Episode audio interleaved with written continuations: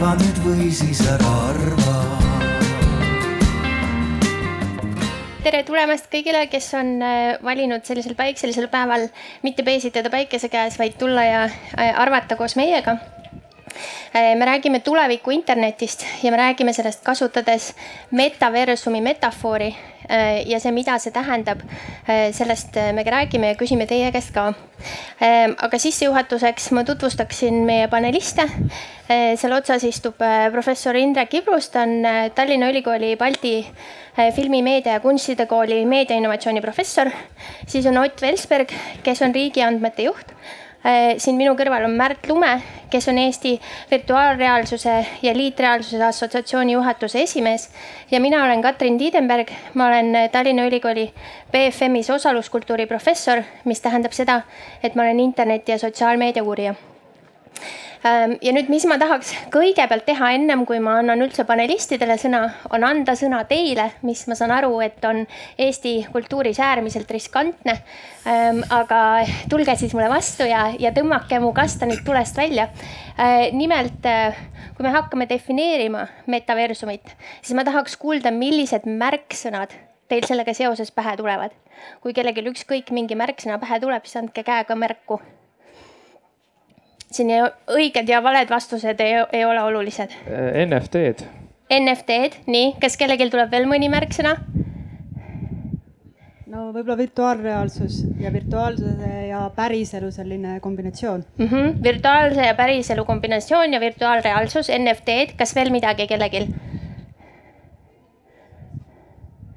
No aga alustame siis nende kolmega, ma arvan, et need on seemneks küllalt, ma tänan teid. Ähm, ja ma üldiselt me niimoodi väga lineaarselt seda vestlust pidama ei hakka, loodetavasti hakkame pidama orgaaniliselt ja, ja teeme teie jaoks jälle ka ruumi, aga alustaks siis sellest metaversumi defineerimisest siiski niimoodi riburada pidi sealtpoolt otsast, et ma, Indrek, annaks sulle kõigepealt sõna. Ja ma tegelikult isegi kuuleks suurema huviga, mida, mida teistel on öelda, aga aga metaversum, noh, ütleme klassikaliselt, eks ole, see mõiste ise sündis kultuurist ja kirjandusest ja tihtipeale on niimoodi, et meie niisuguse kultuurilise taustaga interneti ja tehnoloogia arengu uurijad rõhutame kogu aeg, et kuidas kultuur tegelikult veab tehnoloogilist arengut, et sealt on pärit, kunstidest on pärit ideed, mille suunas insenerid tööle hakkavad ja see metaversumi näide tegelikult on kõige üks ehedam või isegi triviaalne, sest see metaversumi mõiste ise tuli, eks ole, kirjandusteosest, nii nagu ka mitmed teised, nagu küberruumi mõiste tuli kirjandustea-, kirjandusteosest. Äh, siis Neil Stevensoni Snow Crash, ma ei tea, kas seda eesti keelde on üldse kunagi tõlgitud kus, kus see metaversum ise oli siiski selline düstoopiline ruum, eks ole, kuhu inimesed oma esk-, esk-, põgenesid nii-öelda päris äh, koleda rea-, reaalsuse eest ähm,. aga, ja siis ma kuulasin just siin mõned päevad tagasi viietunnist podcast'i, äh, siis Lex Friedmani podcast'i siis John Carmackiga, kes on äh, muuhulgas siis Oculus ehk peamiste virtuaalreaalsuse prillide arendaja, oli CEO sellel ettevõttel, kuni Facebook selle ära ostis, aga kes muuhulgas on kuulus ka selle poolest, et programmeeris Wolfensteini, programmeeris Doomi, programmeeris Quake'i ehk siis on loonud aastakümneid neid 3D maailmu selles mõttes üks juhtivaid nii-öelda ideolooge või ka teotsejaid eh, selles valda, vallas ja tema selles samas podcastis rääkis, et tegelikult nad olid algusest peale inspireeritud sellest üheksakümne teisel aastal ilmunud kirjandusteosest. ehk siis sealt tuli idee, sealt tulid juhised, sealt tuli see laiem ideestik ja, ja, ja, ja sellest, sellest lähtuvalt on siis programmeerija muudkui loonud neid maailmu äh, selle põhjal äh,. nii et äh,, nii et äh, laias laastus on tegemist ikkagi ütleme digi- või küberkultuuri kontekstis pikaajaliselt nii-öelda hautud ideega ja nüüd, kui tehnoloogiline valmidus on, valmidus on selline, et me justkui, ta on nagu suhteliselt vahetu, ükspuha, kas me räägime siis sellest virtuaalreaalsusest, eks ole, see 3D maailm, mis luuakse kuidagi, mis on kuidagi eemalseisev sellest nii-öelda meid ümbritsevast reaalsusest või siis, mis, mis mulle endale pakub oluliselt rohkem huvi, on see nii-öelda liitreaalsuse nähtus, ehk siis ehk siis internet jõuab selleni, et kui kogu aeg me räägime sellest kui mingisuguse eraldi ruumist, siis nüüd ühtäkki ta integreerub selle meie pärisruumiga, aga loob seal mingeid erinevaid kihistusi või nii-öelda lisandusi sellele. et, et ma iseenesest mulle meeldib, mul on see nagu põnevam nähtus kõigi oma potentsiaalsuste ja ja riskidega, aga ma tegelikult ei tahaks üksi pikalt rääkida. jah, jah, et äh, ütleme siis märksõnadena meil siin tuli juurde praegu selline ruumilisuse mõiste, mis on hästi oluline hoida ka nagu meeles, et ähm, Külliki, sina ütlesid, et ähm, ütleme siis selle päris reaalsuse ja virtuaalreaalsuse sulandumine, kokkusulandumine või ühinemine, et kui me neid äh, ulmekirjanduslikke äh, metafoore siit otsime, siis võib-olla selle Snow Crashi kõrval kindlasti kõigile hästi tuntud Matrix, äh, kus tegelikult nagu füüsiliselt ähm, oldi just nagu samas ruumis, aga sõltuvalt sellest, mis värvi tablette võeti, äh, sõltus see, mida näha oli. aga Otile annan sõna, kuidas sina defineerid? ma arvan, et siit võib äh, tegelikult isegi edasi minna, et kui me võtamegi, käis läbi näiteks NFT, käis läbi liitreaalsus, virtuaalreaalsus, siis üks hetk me näeme järjest rohkem ka seda, et me tegelikult see nii-öelda lahti mõtestamine üldse internetist meil on asjade internet võib-olla, mis siin vahepeal oli selline rohkem nii-öelda populaarne teema, on küll natukene hääbunud, aga sellegipoolest ka füüsilise maailmaga see nii-öelda side ja selline nii-öelda link, mis sinna juurde tuleb. ja ma arvan, et eh, ega selle metaversumiga tegelikult on sarnane olukord nagu tehisintellektiga, et sellist ühtset definitsiooni, mis on metaversum, ei ole, see on pigem, me ei räägi siin ühest tehnoloogilisest lahendusestki ja siin ei ole kindlasti üks lõplik eh, nii-öelda ka definitsioon ise, vaid eh, pigem internet uues kuues ja lahti mõtestadagi lõpuks, mis see üldse saab olema mm. -hmm et siia võib-olla siis ka nagu spikriks juurde, et äh, kuigi väga paljud äh, eitavad, et selline lineaarne ajaarvamine, et internet number üks ja internet number kaks ja internet number kolm on kasulik, aga ta aitab mõnes mõttes ikkagi seda transformatsiooni mõista. et ähm, siis ütleme selle aja arvamise järgi on see sotsiaalmeedia platvormide või üldse platvormi ettevõtete poolt valitsetud internet, milles me praegu elame, siis see on nii-öelda number kaks ja see, mida me siis ütleme, üritame lahti mõtestada ja ehitada ja arendada selle metaversumi nime all oleks just nagu siis see number kolm. number kolm, ma annan sulle kolmandana sõna. jah äh,, ma just üks, mulle meeldib see suure pildi definitsioon, et, et põhimõtteliselt äh, mida rohkem selline päris maailm, virtuaalne või siis noh, virtuaalne maailm nagu kokku saavad, digitaalne maailm, siis et põhimõtteliselt ei ole enam vahet tulevikus väga, mis äh, mis maailmas sa elad või töötad või lõbutsed või nagu väärtust lood ja siis nagu kulutad, tarbid samamoodi, et selline piiride hägustamine digitaalse ja päris maailma vahel on võib-olla üks selline suure pildi definitsioon, mis mulle meeldib. ja kui tänapäeva tehnoloogiat võtta, siis jah, et tundubki, et nagu kaks sellist võib-olla ju, mõnevõrra juhuslikult nagu samal ajal siia punkti jõudnud tehnoloogiad, üks on siis selline äh, kuidas see on siis kaasahaaravas, ma ei tea, mis definitsiooni me lõpuks jäime, aga immersive technologies, ühesõnaga kõik need virtuaal- ja liitreaalsuse selline läbi prillide siis peamiselt tarbitav selline äh, ruumiline nagu Äh, reaalsus.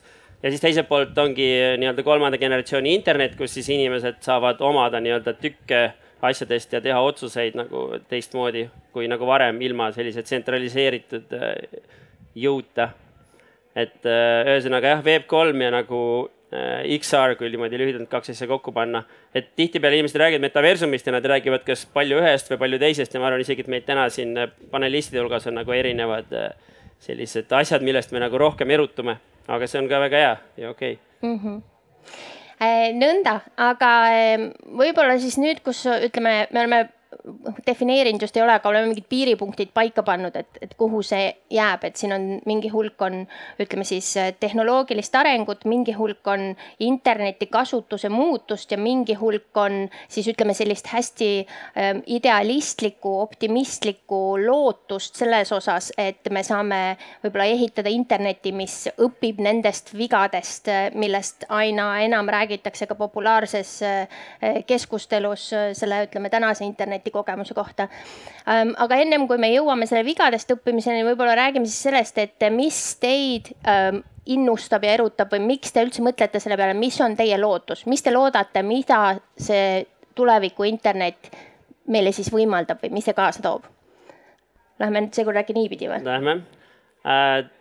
ja natukene ma siin parafraseerin või natukene, no nagu ikka kõik, kõik head mõtted ei ole nagu minu omad aga et mis mulle on jälle külge jäänud, on see, et, et kui selline nii-öelda tavaline selline ekraanil olev internet nii-öelda siis demokratiseeris informatsiooni äh, kättesaadavuse üle maailma. noh, näide on see, et sa võid olla kuskil ükskõik kuskil karumetsas ja osta endale lennupileteid, eks ju, kui seal netti on vähegi ja varsti tundub, et ongi igal pool net. et siis see, äh, see ruumiline internet nii-öelda demokratiseerib kogemused, et sa võid igat asja, mis keegi on loonud ja neid kogemusi saab muidugi ka kopeerida, parandada igatpidi nii-öelda personaliseerida, et sa saad seda tarbida igal pool. Ja siis tähendabki, et paljud asjad äh, noh, eelkõige mul on, mulle meeldib haridus näiteks palju. Ja igasugused ja igast meelelahutused, igast asjad saab nagu neid saab tarbida igal pool üle maailma põhimõtteliselt nagu äh, tingimustes, äh, mis on võrdsed, et digitaalses ruumis me oleme kõik, kindlasti ei ole lõpuks, aga noh, vähemalt teoreetiliselt saame kõik olla võrdsed oma eeldustega ja sellest, kellest, kes me nagu võime olla mm. -hmm. et kui MIT majanduskoolis äh, tehakse ehm, mingisugune loengukursus, mis eriti hästi ja ruumiliselt ja kogemuslikult äh, läbi sensorite seletab ära, äh, kuidas teha tehnoloogia startup'i, siis meie saame ka siin Paides ja Taevaskojas oma headset'ist selle kogemuse kätte. ja sa võid olla ka kõigiga ühes ruumis, eks ju, samaaegselt, et seda kogemust ma ei tea, kui paljud on tundnud, aga see on väga vägev kokkuvõttes, et, et sul, see ei ole nagu Zoomi kõne, kus on, ju, hunnik ruudukesi ekraani peal, vaid sa oledki nagu reaalselt ühes ruumis, saad üksteist katkestada, saad aru, kui keegi nagu, keegi ei hakka samal ajal rääkima peaaegu ja sa saad aru ruumiliselt, kust heli tuleb ja see on nagu vägev mm. -hmm. varsti Oot, jõuame sinna. mis, mis lootused sul on? ma ütlen ausalt, et ma väga loodan, et meil saavad nii era- kui avaliku sektori teenused lõpuks ligipääsetavamaks ja kasutatavamaks et kui võtamegi sellesama hariduse näite, siis äh, USA-s näiteks äh, kõrgkooliharidus on nii-öelda aastast tuhat üheksasada kaheksakümmend äh, kallinenud circa tuhat kakssada protsenti.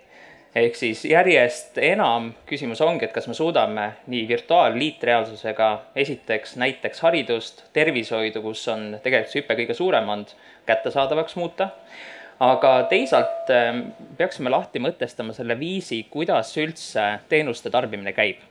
kui meil tavapärane nii-öelda lähenemine on see, et meil on infosüsteem, lähed infosüsteemi, täidad seal taotlused ära, siis tulevikus äh, me peaksime liikuma rohkem teenuse ja kanali agnostilisuse poole. ehk siis meil on siin päris suur nii. mina hingasin. et me peaksime liikuma rohkem teenu-, nii-öelda kanali ja kanali agnostilisuse poole, ehk siis inimesed saavad ise valida, läbi milliste teenuste, kanalite nad saavad tegelikult reaalselt eh, siis infot kätte. ja ma kujutan lihtsalt ette sellist eh, toredat hetke, kus mul vanaema metsas korjab seeni, tal on needsamad prillid, sarnased prillid peas, hakkab korjama ja saab väikese märguande, et ära seda seent küll korja. Et see on mürgine. et kui me suudame reaalselt toetada ka seda füüsilist elu läbi liitreaalsuse, just ma näen, et see on nagu kõige suurema väärtusega, siis me oleme midagi saavutanud mm. -hmm ja selleni, kui kaugel me sellest kõigest oleme, oleme, me, me loodetavasti ka täna jõuame ähm,. aga teeks selle lootuste ringi peale ja siis hakkaks tegema, tegelema klassikaliselt norimisega ähm, ja küsima, et ähm, kelle nägu äh, see kõik on, mis, mida me praegu näeme tekkimas, aga Indrek, mida sina loodad kõige rohkem, et, et metaversum teeb, kaasa toob ähm,? nagu me juba alustasime, eks ole, see mõiste justkui nagu koosneb erinevatest nähtustest ja mõnes mõttes oleme me nagu tehnoloogia interneti arengu mõttes see, selles mõttes huvitaval hetkel, et ühest küljest arenevad need nii-öelda reaalsustehnoloogiad ja teisest küljest siis niisugused interneti valitsemise tehnoloogiad ehk kogu see plokiajalapõhine ähm, majandamine, eks ole, ja uued nii-öelda kogukonna loomise ja, ja, ja väärtuse jaotamise ja loomise võimalused. Ähm, kui, kui, kui sa küsid puhtalt nagu isiklikku perspektiivi, siis päris alguses olin ma vaimustatud just sellest nii-öelda liitreaalsuse võimalusest, sellest samast, et lähed metsa seenele ja ei peagi ise sööni seeni sööma, et kohe tulevad nägemused fantastilised äh,, ulmelised äh, seal kohapeal muidu nagu läbi prillide kätte ähm,. ja, või õigupoolest noh, ma tegelesin siin mõnda aega sellega, et kuidas näiteks avada äh, Narva kadunud vanalinna sealsamas Narva keskkonnas et, et noh, näha, kuidas siis, mida, seda, seda, seda reaalsust, mida enam ei ole, siis ta ikkagi, ikkagi tajuda ja näha, kuidas siis inimesed kadunud keskkonnas toimetasid seal kohapeal. Selle asemel, et hakata kallist vanalinna uuesti üles ehitama. aga, aga tegelikult ma arvan, see, mis mind praegu käima tõmbab, on ikkagi just see nii-öelda potentsiaalselt nii-öelda interneti valitsemise või internetimajanduse teistsugune võimalus, see nii-öelda detsentraliseerimise potentsiaal, see, et me saame nii-öelda äh, nii-öelda platvormide suhteliselt nagu juhuslike või juhuslikult ettenägematult toimivate regulatsioonide või äh, korralduse poolt nii-öelda potentsiaalselt vabaks, et, et nad ei ole platvormid need, kes nii-öelda estraheerivad või vahelt võtavad seda väärtust, mida teised tegelikult on loonud, vaid et väärtust saab potentsiaalselt eh, nii-öelda õiglasemalt jaotada tegelike väärtusloojate vahel. Ja ma tõstaksin esile siin just üks väga tore essee oli eestlase Maarjo Lauli poolt, kes, kes, keda Eestis vähe tuntakse, kes töötab USA-s investeerimispankadele, eh, kes nii-öelda sõnastas selle niimoodi, et me oleme põhimõtteliselt sellise interneti eh, nii-öelda kuldajastu lävel, et iga tööstusrevolutsiooniga on kaasnenud see, et esimesed umbes veerandsada aastat toimub selline suur nagu kullapalaviga cash grab, aga siis töö, nii-öelda töötatakse välja need nii-öelda asjakohased regulatsioonimeetodid, väärt, loodud väärtuse jaotamismehhanismid ja, ja siis nii-öelda väärtusloojad saavad nagu, kogu see väärtuse jaotumine toimub õiglasemalt ja toimub selline ühtlasem majanduskasv, millest kõik saavad osa. et potentsiaalselt see nii-öelda Web3 või plokiajale põhised tehnoloogiad justkui nagu võimaldaksid sellega. eks sellega kaasneb ka igasugu riske, aga ma arvan, usun, me kohe räägime sellest minu oma töötab endiselt ehm, ennem kui me jõuame ja see valitsemise koht on väga hea koht, kus, kus minna sinna, ütleme siis sellise eh, pimesi optimismi juurest eh, silmad lahti eh, ütleme eluterve skepsise poole, aga ma tahtsin ennem korraks küsida, et kas meil publiku seas on äkki veel mingeid märksõnu tekkinud nüüd siis nende lootuste kohta, et kas kellelgi on ootused ja lootused ja, ja suur põnevus selles osas, eh, mis võiks juhtuda, mida te ootate, mida te tahaks et noh, kui me kuuleme siin neid, ütleme, et äh, haridus, et ma saaksin mingit head äh, loengut kuulata või ma saaksin mitte süüa mürgiseid seeni, kuigi ma pean ütlema, et äh, on terve hulk inimesi, kes väidavad, et meie evolutsioon on mürgiste seente söömise tulemus, nii et ma ei ole päris kindel, ähm, kas me tahame loobuda ähm, hallutsinatsioone tekkivate asjade söömisest, aga siiski, et peale mürgiste seente mittesöömise ja hariduse, mida teie ootate, mida te tahaks, et juhtuks? mis oleks äge mul jälle tohutu lootus sellele, et te saate üle meie kollektiivsest tagasihoidlikkusest ja keegi ikka midagi ütleb. nii, palun, suurepärane. kui küsitakse, et mida ma soovin, siis ma sooviks rikkaks saada. kas saab kuidagi metaversumi abil rikkaks saada? aitäh.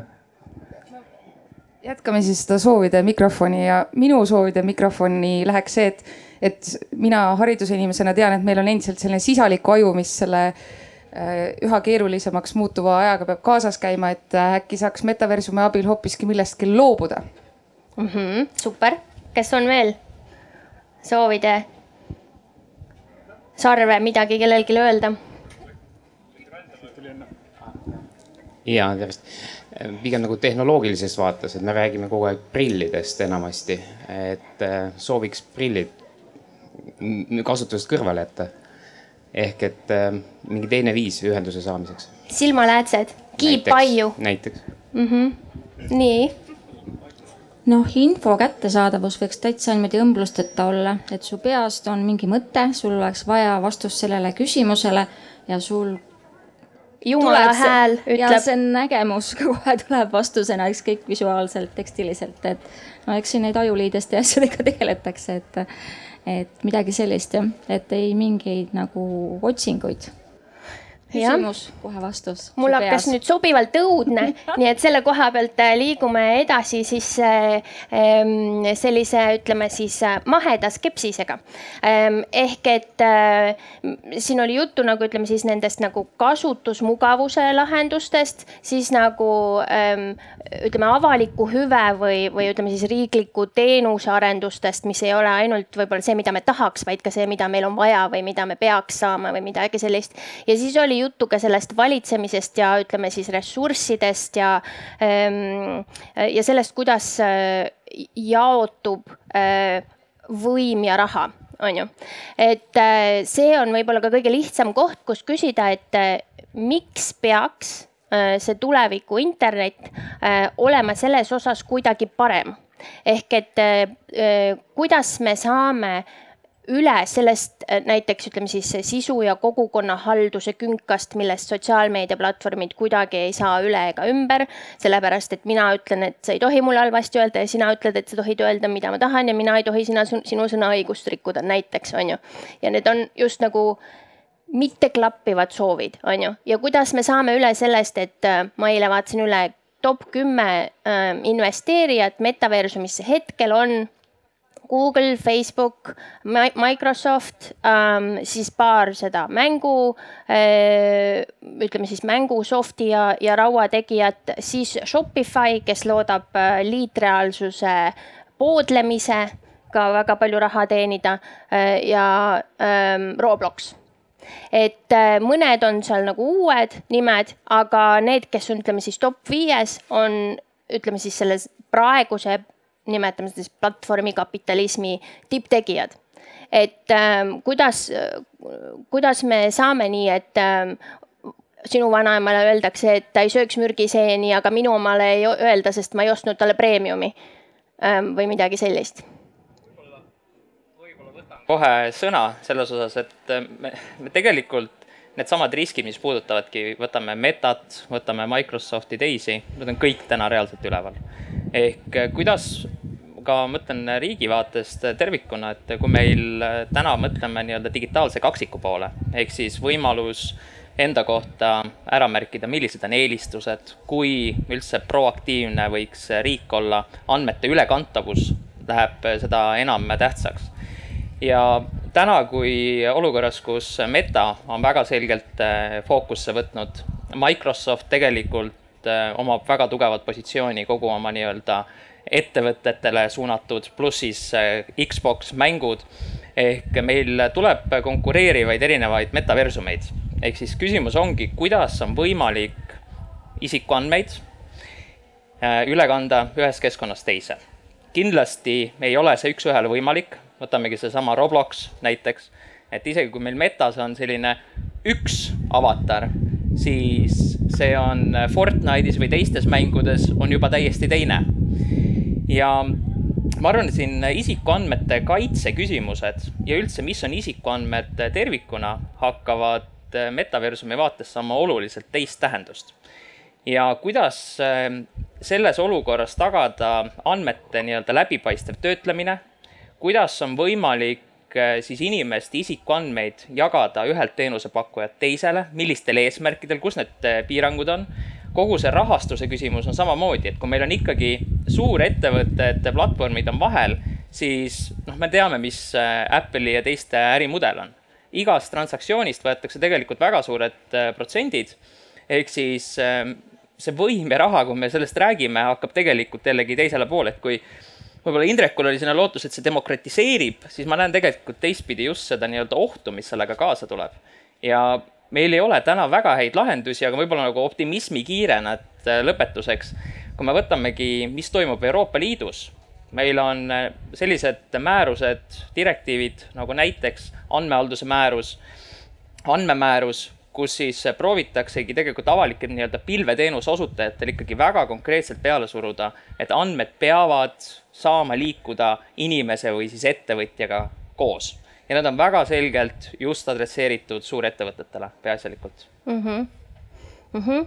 et äh, siin on jah, nagu ütleme, üks on see, et äh, need, ütleme siis sellised, neid nimetatakse mõnikord silodeks ja mõnikord ähm, aiaga tarastatud äh, parkideks või, või mida iganes, et, et hetkel ütleme sellisel sotsiaalmeedia platvormide ajastul on need äh, erinevat värvi ja erineva kasutajaliidesega erinevalt bränditud ja erineva firma omad. Ja iga see firma saab määrata oma Äh, siis selle tarastatud ala kasutamise reeglid.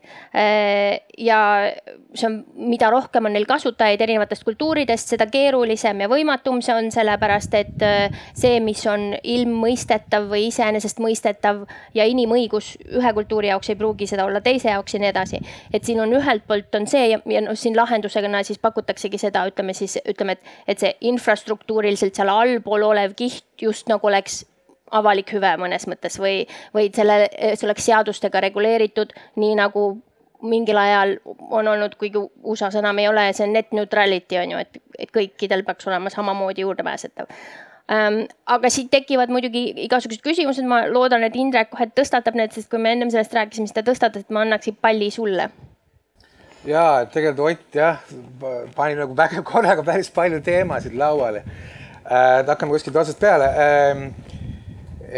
Ma täna hommikul varem jälgisin Twitteris, kuidas üks Inglismaal elav sõber tahtis minna ujuma ja siis ei saanud, sest igasugu metsarajad ja, ja jõeäärsed olid, on nagu eramaa, see, millega me siin võib-olla nii Eestis kui ka Põhjamaades ei ole harjunud, sest meil on äh, arusaam sellest, et mingisugune ruum peab olema avalik ruum, mis on avalik hüve ja mis on kõigile ühiselt kasutada. aga no kujutame ette situatsiooni, kus, kus see nii-öelda metaversum ongi loodud nende suurplatvormide poolt, seesama Paide ava, avalik väljak, eks ole, mingisugused virtuaalsed majakesed või keskkonnad, mis siia on justkui selles virtuaalruumis lisandatud, noh, peavad ühel või teisel kombel nii-öelda sellele platvormile renti maksma või selle regulatsioonidest lähtuma, siis kas see siis on enam avalik ruum? me räägime, justkui räägime, et tore hübriidruum, millel saab mingit lisaväärtust tekitada, aga ta tegelikult ei ole enam oma hübriidses vormis enam nii-öelda avalik hüve, vaid on kuidagi nii-öelda juba äh, märk, märkamatult ära erastatud, et see on see nagu küsimus, et, äh, et mi, mi, mis see nagu riskide mõttes nagu tegelikult tähendab ja kas me peaksime sellest potentsiaalist hoolima ja, ja hoiduma ähm,. aga oota, mul läks nüüd mõttejärg äh, käest ära, aga no põhimõtteliselt äh, sa rääkisid andmete ülekandmisest, eks ole, et, et noh, jah, et selle plokiahela põhisusega siis potentsiaalselt ka, ka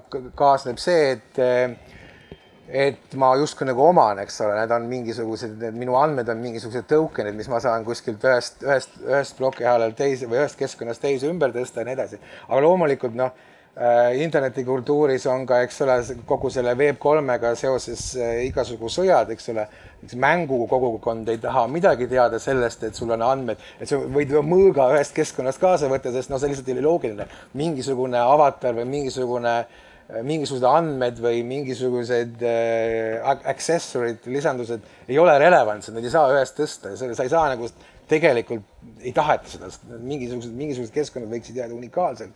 nii et kui me räägime hästi palju sellest, et, et praegu justkui käib mingi suur standardiseerimine, eks ole, need suur, need suured äh, platvormi ettevõtjad, nende kõrval on kümneid ja kümneid ja kümneid neid väiksemaid initsiatiive nii-öelda plokiajale põhiselt, siis ja justkui räägitakse, me peame looma mingisuguse ühtse keskkonna ja selle kõik ära standardiseerimine, siis, siis ma näen, et jah, see on vajalik, aga teisest küljest siin on noh, omad võimatused ka, et see noh, ütleme ka klassikalises kultuurikeskkonnas me ju väärtustame ka mitmekesisust, eks ole, kõik ei pea olema homogeenne ja sama. Äh, mida, mida, mida, mida mitmekesisem kultuur on, seda mõnes mõttes väärtuslikum see on.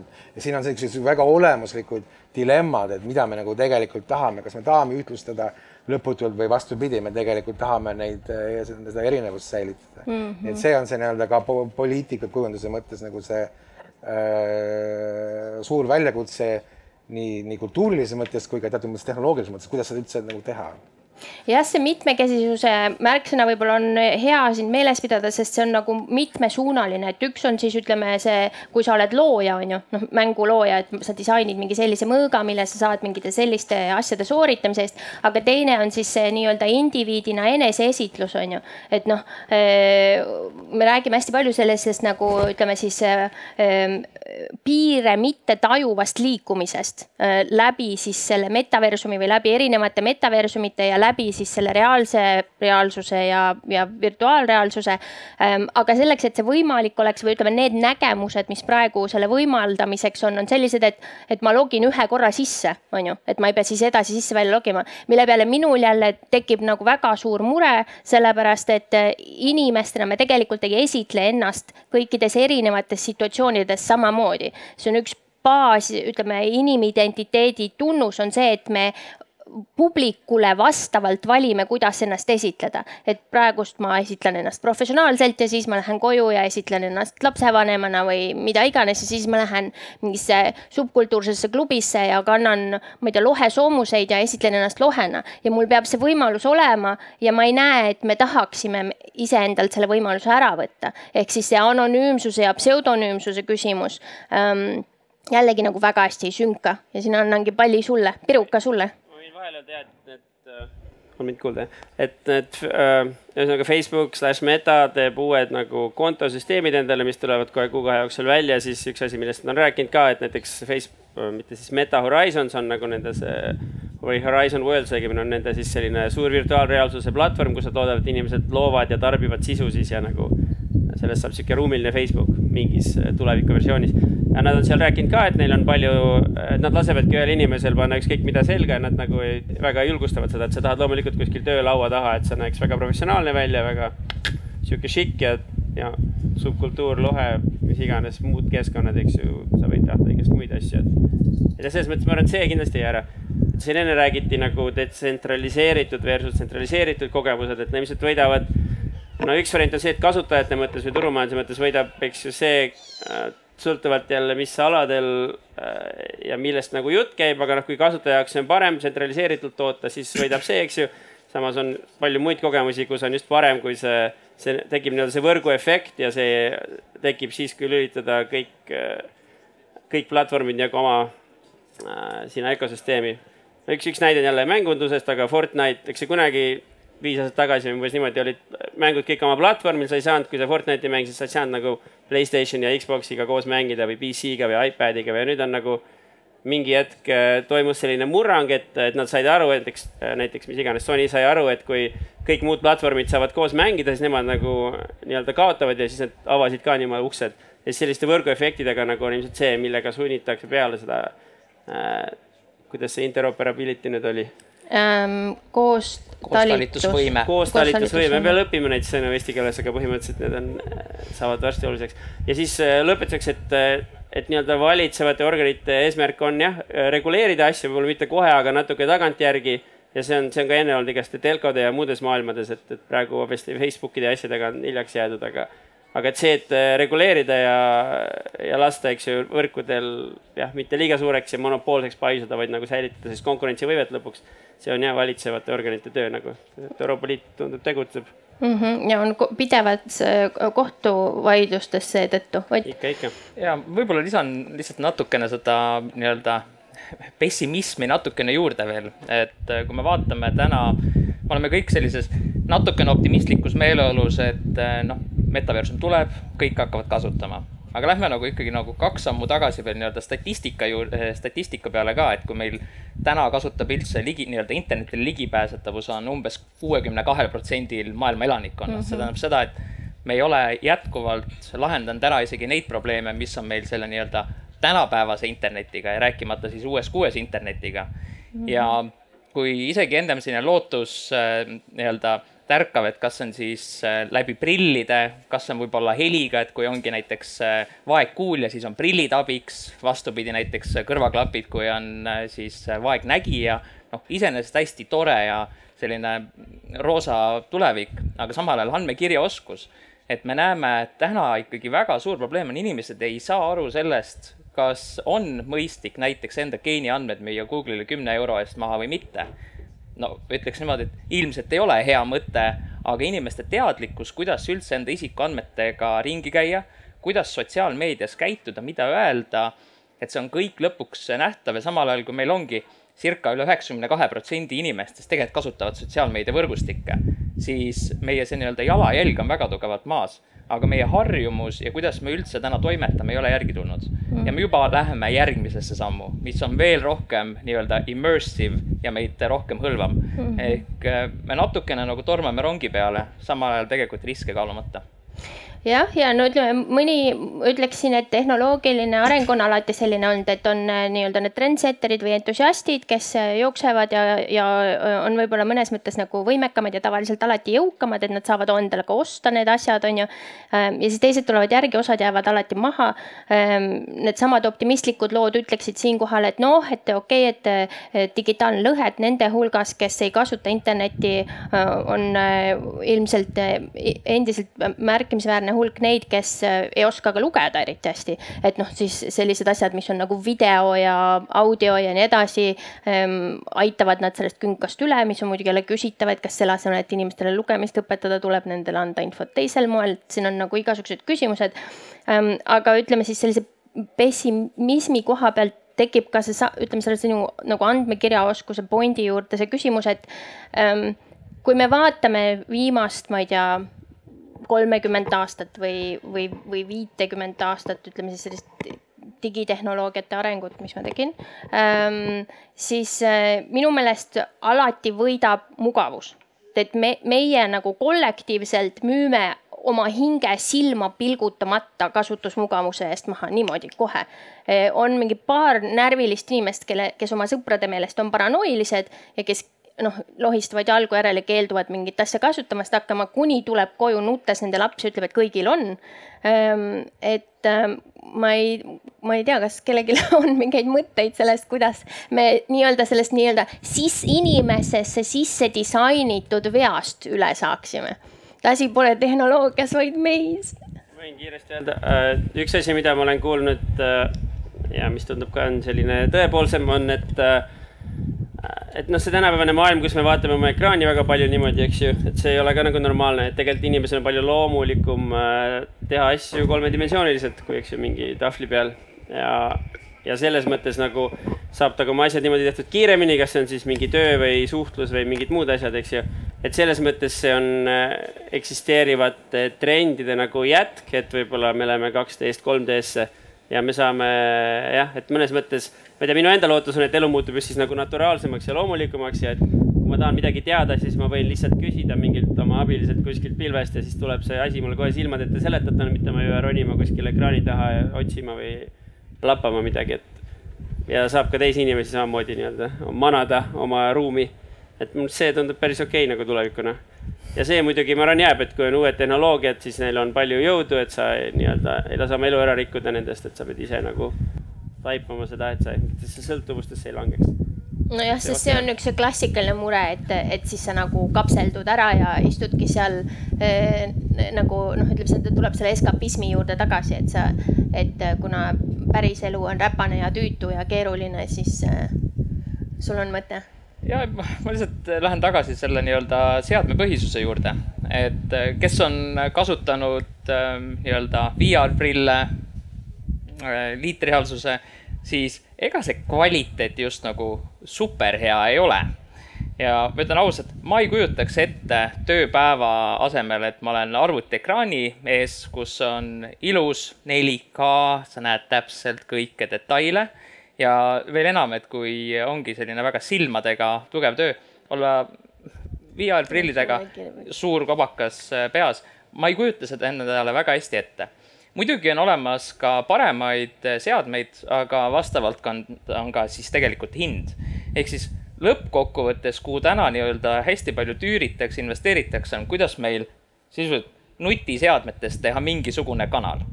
jah, see on kõigile meile kättesaadav, aga selle kvaliteet ei ole seesama kõigile.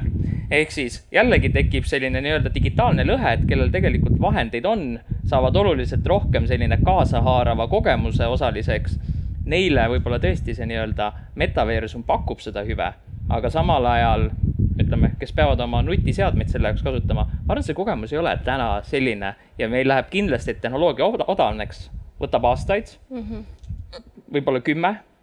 ehk see nii-öelda see roosa tulevik, see on ikka päris kaugel meil veel kiiresti vahele, et, et kui sa samas midagi disainid või niimoodi ruumiliselt töötad või võib-olla ka teed äh, mingeid kõnesid, kus sul on vaja näiteks mingit disaini üle vaadata või noh, neid use case'e on meil palju, kasutusjuhte, et siis nagu sa, sul on okei okay neid prille hoida pool tundi peas, sest see on mingi viis korda kiirem, kui teha kuidagi ekraaniga seal hiirega jamada. et selles mõttes sõltub natuke kasutusjuhust ka mm, -hmm. aga jah pluss, ma nüüd ühe viimase kommentaari siis ma, Indrek, ma saan sinuga ka rääkida. et äh, lihtsalt ma toon paralleele, mis meil siin äh, erinevaid katsetusi on tehtud, näiteks äh, vanemaealiste siis äh, nii-öelda kaasamine. Saaremaal tehti, äh, Telia oli, kui ma mäletan õigesti, tegi selle nii-öelda pilootprojekti, mõtles, et ah, selle asemel, et vanemaealised inimesed tuleksid nii-öelda külamajja, teevad seal trenni, ah tead, paneme läbi digibokside, teevad trenni, saavad suhelda, veebikaamerad, asjad. inimesed tahavad seda füüsilist kontakti ja katsetati ära asi ei jäänud pidama ja mindi ikkagi lõpuks äh, külamaja kohale, sest mõnus on ju kohvi ka pärast juua ja rääkida, ei ole ainult see trenni küsimus. ehk ähm, kuidas me lõpuks suudame selle nii-öelda inimkontakti küsimuse ära lahendada, ma arvan, see on ka päris oluline mm. -hmm. muidu ta jääbki lihtsalt üheks lõbusaks mänguks ja neid lõbusaid mänge ma olen ise viimased kakskümmend viis aastat mänginud ja ta ongi vaba aeg. Jaa, üldiselt ma olen muidugi Ott sinuga täiesti nõus, ma olen lausa sama juttu rääkinud juba palju aastaid, et miks ma olen võib-olla äh, Märdi kuuldes ei tohi öelda, aga, aga äh, natuke skeptiline olnud virtuaalreaalsuse mõttes, et ühest küljest on see tehnoloogiline lävend on küllaltki nagu hinna mõistes ja nagu selle device'i mõttes nagu küllaltki silmatorkav. aga teisest küljest ka see sotsiaalne ruum, et, äh, et mina olen BFM-is meediainnovatsiooni professor, ma olen õpetanud meediainnovatsiooni palju aastaid ja kuskil kümmekond aastat tagasi me rääkisime hästi palju 3D televiisoritest et noh, et paned, paned veel mingid prillid kodus pähe ja sa näed seda kolmemõõtmelist ruumi. see oli umbes samal ajal, kui tulid 3D kino, eks ole.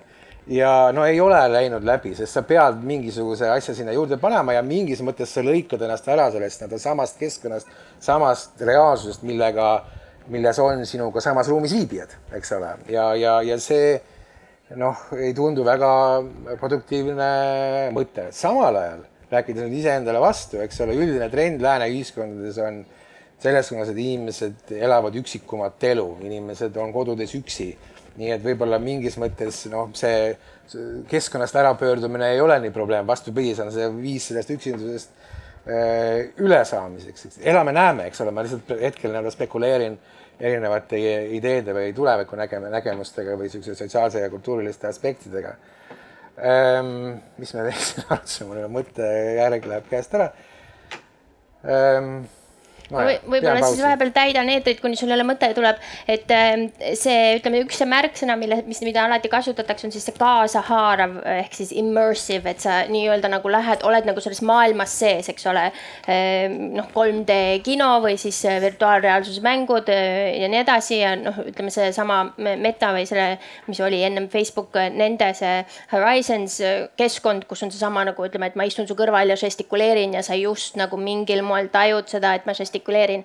Ehm, et neid näiteid hästi palju tuuakse, aga teiselt poolt võib siia tuua eh, kuskil mingi sada viiskümmend aastat vana eh, eh, arutelud kirgliku lugemise kohta romaani lugemise kohta. ehk et meie nagu see sisse ehitatud immersion machine või see kaasahaaravust loov kujutlusvõime ähm, on igalühel siiski erinev ja paljud, kes on äh, näinud näiteks oma lemmikraamatu adaptatsiooni filmina, kus siis keegi teine on tõlkinud äh, oma selle kaasahaaravusmasinaga selle mingisuguseks maailmaks, siis mõnikord on äge ja fantastiline ja teistsugune ja rikastav ja mõnikord on mõh, ei meeldi.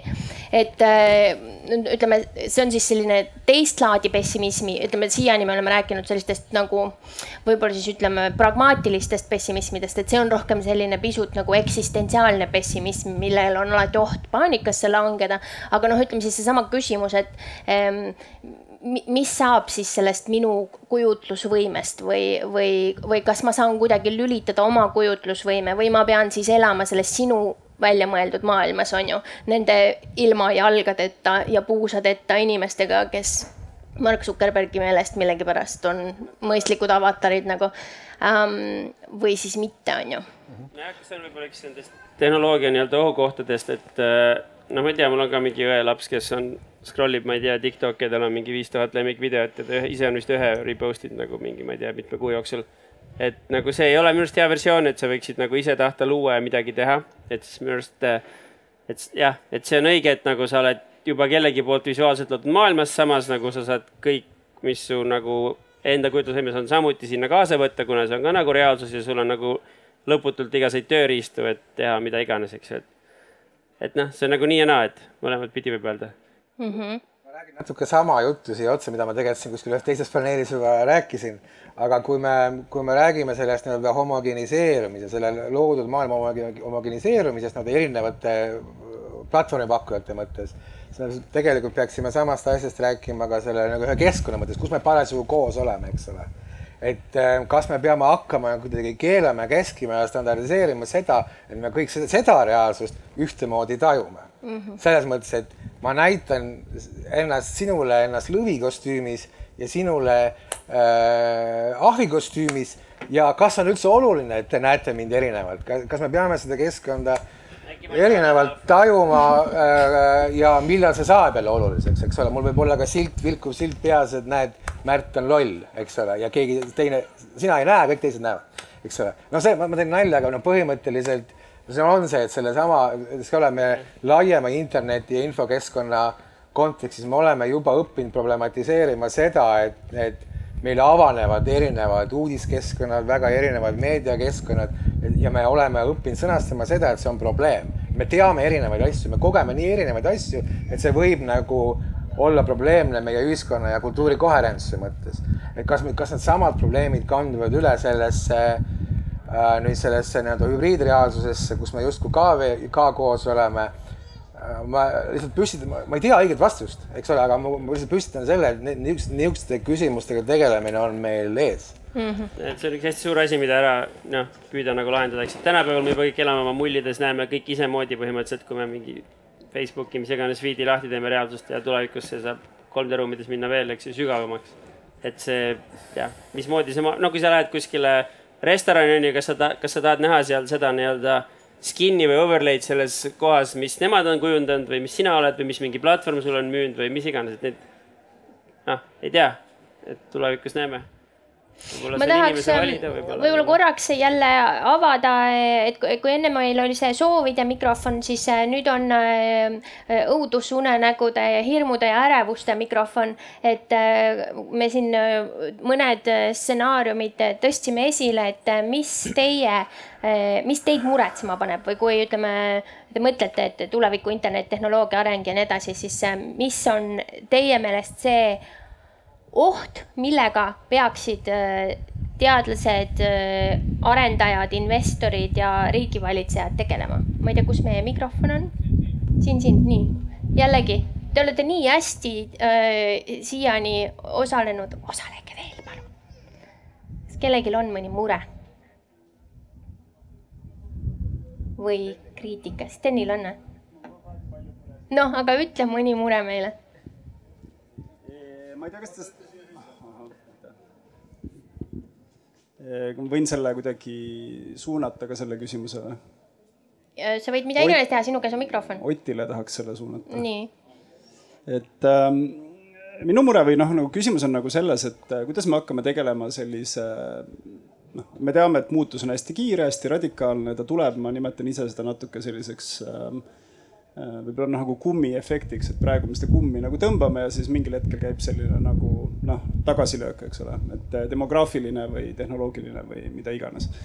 et ähm, mulle nagu praegusel hetkel tundub, et ka Eesti riigivalitsemise perspektiivist on, ütleme, kompetentsid ja, ja võib-olla mitte ainult Eesti riigivalitsemise perspektiivist, aga võib-olla räägime ka siis nagu Euroopa sellise valdkonna valits-, nagu policy kujundamise perspektiivist on meil hästi suur nagu ebaühtluse ähm, situatsioon, ehk siis teisisõnu on see, et, et ütleme, teatud ministeeriumid nagu MKM ja nii edasi vaatavad väga selgelt, eks ole Ähm, seda, millised meie, ütleme siis uued teenused või ütleme, kodaniku juurdepääs nendele tehnoloogiatele saab olema, eks ole, seoses selle uue, no mitte nii, niivõrd uue, aga uuema white paper'iga seoses aga me näeme, et need, need kompetentsid ja arusaamad on väga ebaühtlased. et kuidas äh, sinu arvates siis äh, neid teemasid peaks ühtlustama, sest äh, ja, ja seda nagu valitsemiskompetentsi erinevatesse valdkondadesse viima, sest et selge on see, et need muutused ei hakka puudutama meid ainult ütleme siis võib-olla majanduse inforuumis, vaid need muudatused hakkavad puudutama meid äh, kultuuri, äh, keskkonna, meditsiini, äh, kasvõi turismi või muudes valdkondades, et kuidas sa näed, et seda küsimust lahendama peaks hakkama mm? -hmm ütleme ausalt, et ega kogu seda nii-öelda metaversumi, võtame liitreaalsus, VR, ega kõikide tärkavate tehnoloogiatega tegelikult lõpuks esimene asi on kompetents ja teadlikkus.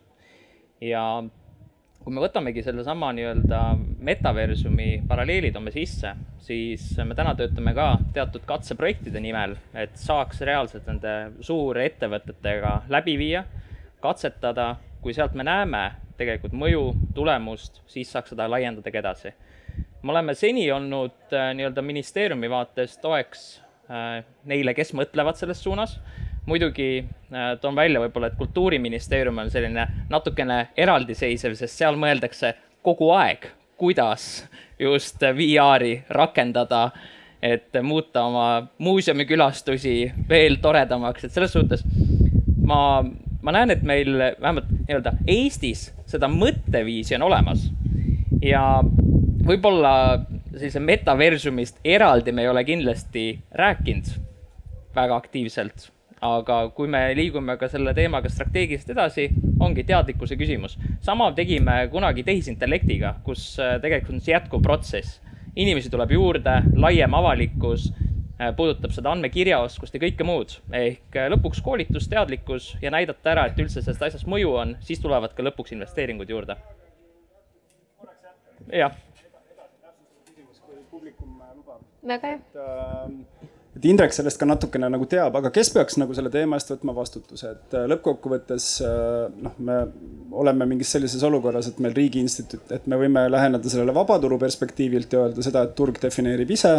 aga turu defineerimise olukorras on see, et suured platvormid väga selgelt äh, hetkel rahastavad neid nii-öelda kasutusviise, eks ole, ja monopoliseerivad need kasutusviisid enda huvides, et, et see on suhteliselt teadaolev tõde, kui palju näiteks Metaga Põhjamaade ja muudesse ettevõtetesse praegu juba sellel teemal nagu panustab, et kas meie, ütleme siis organisatsioonid ja institutsioonid on pädevad ja kas me vajaksime selleks äh, uusi institutsioone, et kuhu ma sellega nagu tahan viidata, et kas meil on hetkel natukene selline ID-kaardi või X-tee-eelne olukord, kui ma võib-olla visioneeriksin natukene, eks ole, kus äh, kus me saaksime teatud sorti sellise policy ja mõtte ähm, nagu juhtimise või thought leadership positsiooni võtta. teisisõnu, kuhu ma tahan viidata, et kas võib-olla oleks mõtet jätta mingisugused teatud etapid vahele ja teha kohe väga selgelt institutsionaliseeritud ja, ja nagu poliitiline hüpe sellega, et, et need teemad on meie jaoks kohe prioriteedid noh, tegelemata sellega ja või noh, üritada liiga palju mõelda selle peale, kas ja millal meie andmekogud näiteks saavad digitaliseeritud, noh millest on räägitud juba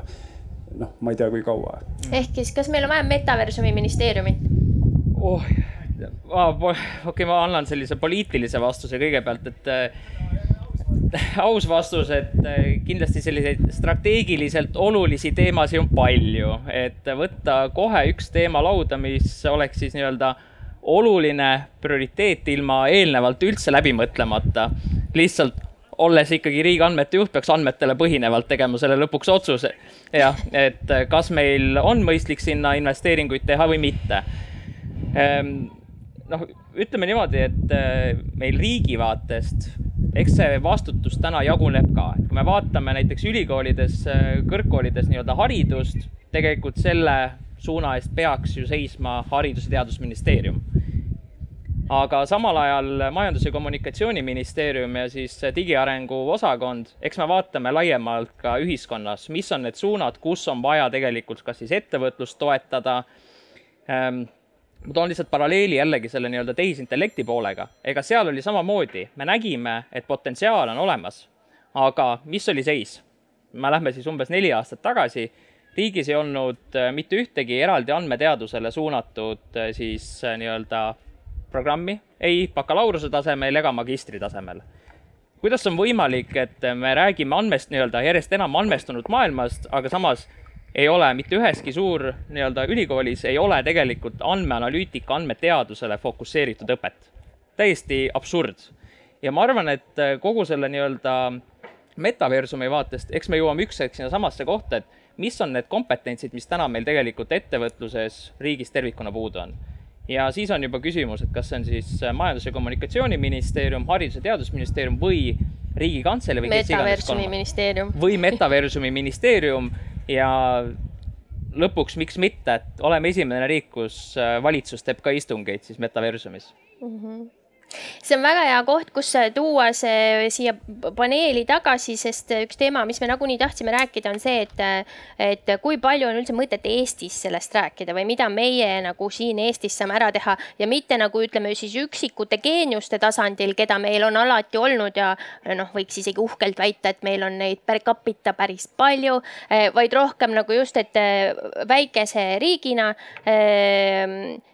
mida me üldse saame siin ära teha, et noh, me oleme juba viidanud Euroopa Liidule nagu reguleerijana ja siis me oleme viidanud sellele, et äh, kes on suurimad investorid, kes on ikkagi seesama nii-öelda see GAFA või noh, nagu ütleme siis need sam-, väga paljud samad mängijad, kes praegu, äh, kes juba praegu on, ütleme siis saanud niivõrd rikkaks meie andmete ja meie loodud sisu pealt ja nüüd nad siis nagu kasutavad seda rikkust ära, et, et haugata võimalikult suur tükk sellest tuleviku internetist, et mida meie siin üldse äh, sipleme, kas on mõtet, mis me saame teha?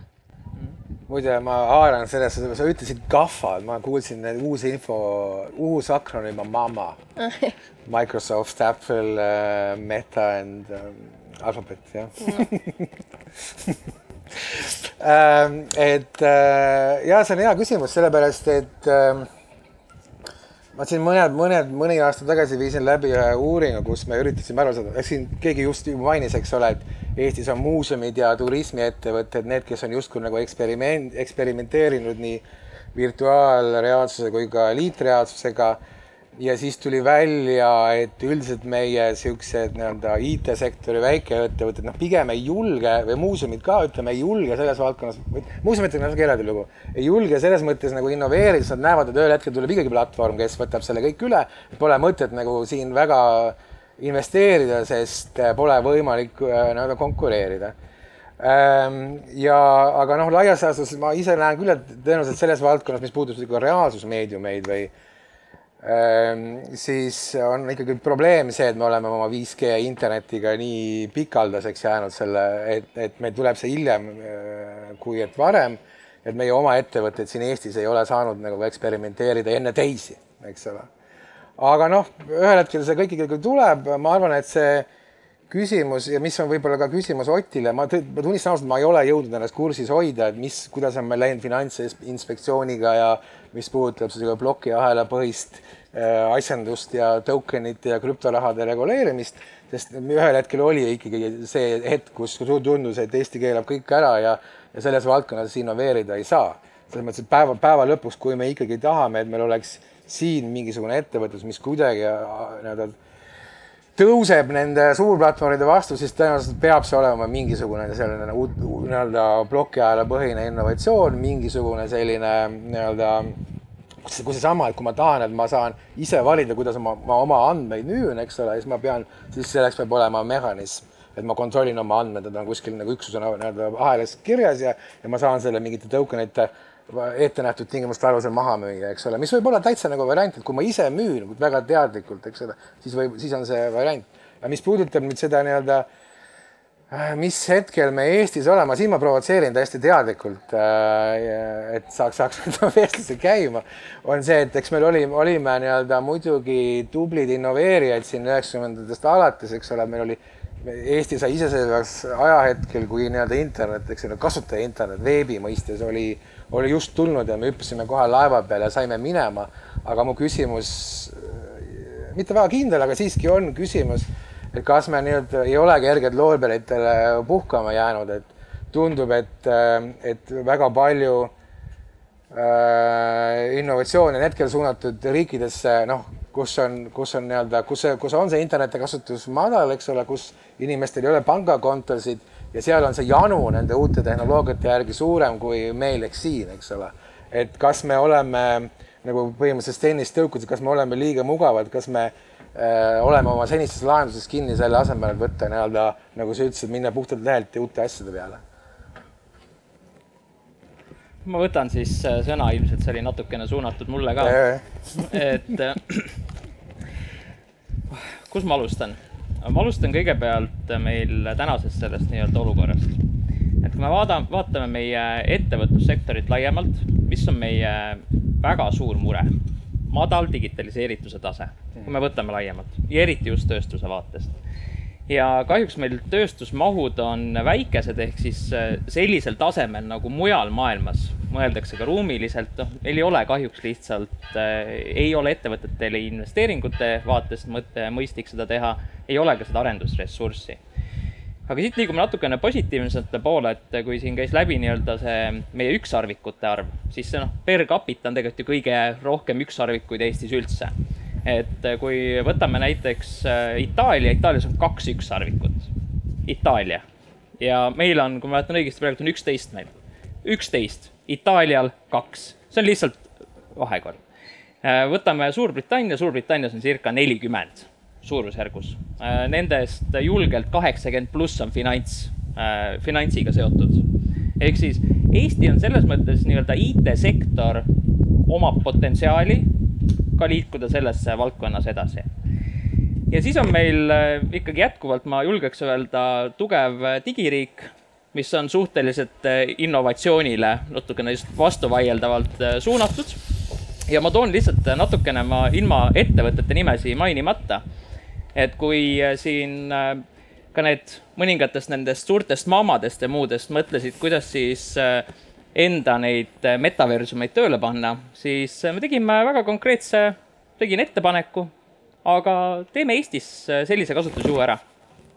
meil on andmed olemas, meil on huvi piloteerida ja kahjuks see tehnoloogia nende suurte maamade poolt ei ole kahjuks nii kaugel, et seda oleks võimalik tegelikult reaalselt äh, rakendada.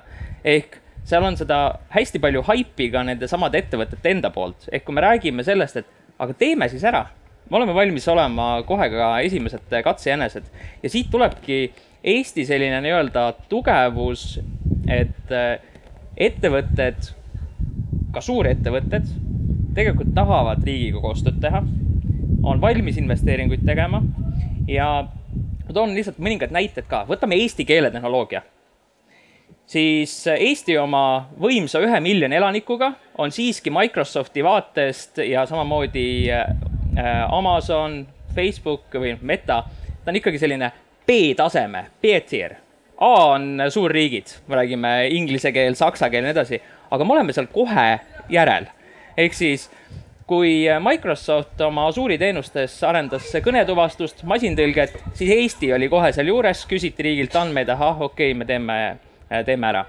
ehk meie see nii-öelda digikuvand on tegelikult aidanud meid viia oluliselt kõrgemale, kui tegelikult üks ühe miljoni elanikuga riik peaks olema ja võib-olla ei taha öelda vääriks, aga vähemalt ettevõtluse vaates, sest iga sent on seal arvel, siis noh, ilmselgelt eesti keele lahendusi keegi ei hakka nii palju kasutama mm. -hmm. ehk ma ütleks, et äh, meil täna seda kuvandit on, ilmselt see rakendamise küsimus tuleb kindlasti mängu mm. -hmm. võib-olla lisan ka, et äh, ei tööta küll väga riigistruktuurides, aga et tundub kaugelt vaadates, et kuna meil no tehnoloogia taha jäävad tavaliselt vähem asjad ja rohkem jäävad nagu poliitilise tahte ja poliitilise tahte taha ja siis, kuna meil on õnnestunud siiamaani teha asju, mis on päris edukad, siis ilmselt äh, nii Web3-e kui võib-olla tulevikus ka ruumiliste tehnoloogiatega võiks äh, jah, võiks riigi poolt öelda mingid use case'id, mis töötaks välja või ministeeriumide poolt ja siis neid nii-öelda siis äh,, tule head sõna, teostada. Oh.. Et siin me võiks muidugi olla maailmas esirinnas ja mulle tundub ka e-residentsus ise on kuidagi suur võimalus, kuna sa saaksid ka nagu kogu maailma community kuidagi kokku tuua ja seal võib-olla on mingid teenused, asjad, ilmselt Xolole on see siis ettepanek, eks tihtipeale, eks see on ikka mingid startup'id, kes selle lõpuks ära teevad äh,. aga riigiga koostöös võib-olla siis, et see tundub, on Eesti nagu võimalus, eks ju, veel kord ise olen tahan samuti, et äh, meil oleks igasuguseid 3D kujundajaid ja arendajaid rohkem tulevikus, kes ka neid äh, teenuseid nagu aitaksid luua ja uusi startup'e, eks ju, see on see, mida me EVR-iga püüame teha, ökosüsteemi nagu täiendada. SK hariduse mõttes mulle tundub, et kuna meil on selline väike Äh, süsteem, et siis me saame siin nii-öelda riigiga koostöös nagu põrgatada kiiresti ja, ja tõestada ära nagu muule suurele maailmale mingid lahendused, mis töötaksid. siis nii-öelda prototüüpide või olla see testturg, mis on ka juba kümnendeid vanu äh, nii-öelda äh, kontseptsioon, aga seda teha lihtsalt uuemate tehnoloogiatega ehk et meie positsioon on äh, ideaalse suurusega koht äh, selleks äh, test case'iks nagu piloteerimiseks. Pidevas beetas on meie riik. Ähm,. aga äh, sellega on, see on äh, ühest küljest nagu lootustandev või, või noh, nagu positiivne ja ühest küljest nagu masendav ja negatiivne, on ju. et äh, kui me mõtleme selle peale, et äh, noh, seesama keeletehnoloogia näide oli väga hea näide, et noh, miljon inimest ei ole turg, on ju su suurettevõtete jaoks. ehk siis selleks, et mingid asjad oskaksid eesti keeles meiega rääkida, noh, see on just sihuke näide, onju. aga siis selle mündi teine külg on kohe see, et äh, alati, kui need suurettevõtted nagu annavad sulle midagi tasuta või noh, nagu ütleme jah, just nagu sa müüd neile võimalust testida oma tehnoloogiat, aga meil on hästi palju näiteid sellest, et äh, ma ei tea, Microsoft või Google või keegi, me anname kõigile lastele laptop'id kooli jaoks, special laptop'id, kus on mingisugused äh, programmid peal ja nii edasi. Teie laps saab tasuta õppevahendi, kõik on väga tore, lapsevanemad ja õpetajad kirjutavad alla, aga siis on kõik need andmed mida see laps, mis sotsiaalmeediaplatvorme kasutab, kuidas kasutab, mida iganes, mingid eye tracking ud, silma ehk siis kuidas on siis silma pilgutuvastus, pilgu jälgimine. Ehm, see kõik läheb siis sinna eraettevõttele, et noh, ütleme, see on niisugune nagu järgmine samm seal all või, või, või järgmine teine samm, miks need ettevõtted seda teevad ja mis me veel nendele nii-öelda nagu ära anname. et ähm, mis noh, kui me rääkisime nendest prillidest ja seentest, et noh, siis sina ütlesid, et, et ei tahaks ju, et, et Google'ile kuuluksid kõik see Eesti metsad, sest nemad on need, kellel on võimekus ära kaardistada kõik nende prillide jaoks. et kas meil on mingi võimalus siin nende, nende kahe kõva kivi vahel nii-öelda, et üks on nagu olla täiesti ebaoluline, sest me oleme liiga väiksed, aga kangekaelsed ja ütleme, et me ei anna teile oma andmeid ja teine on siis see, et müüa kõik maha nii-öelda. ma siis võtan sõna. Ma päris nagu nii mustades äh, toonides seda olukorda täna ka ei näe. et kui me võtamegi, meil järgmine nädal lõpeb äh, üks äh, suurem koostööprojekt Microsoftiga, kus Microsofti tippspetsialistid, andmeteadlased panustasid ja arendajad panustasid meil teat-, teatud selliste kesksete komponentide arendusse, kõik oli tasuta ja seal mingisugust andmete nii-öelda liikuvust ei Microsofti serveritesse mujal ei lähe.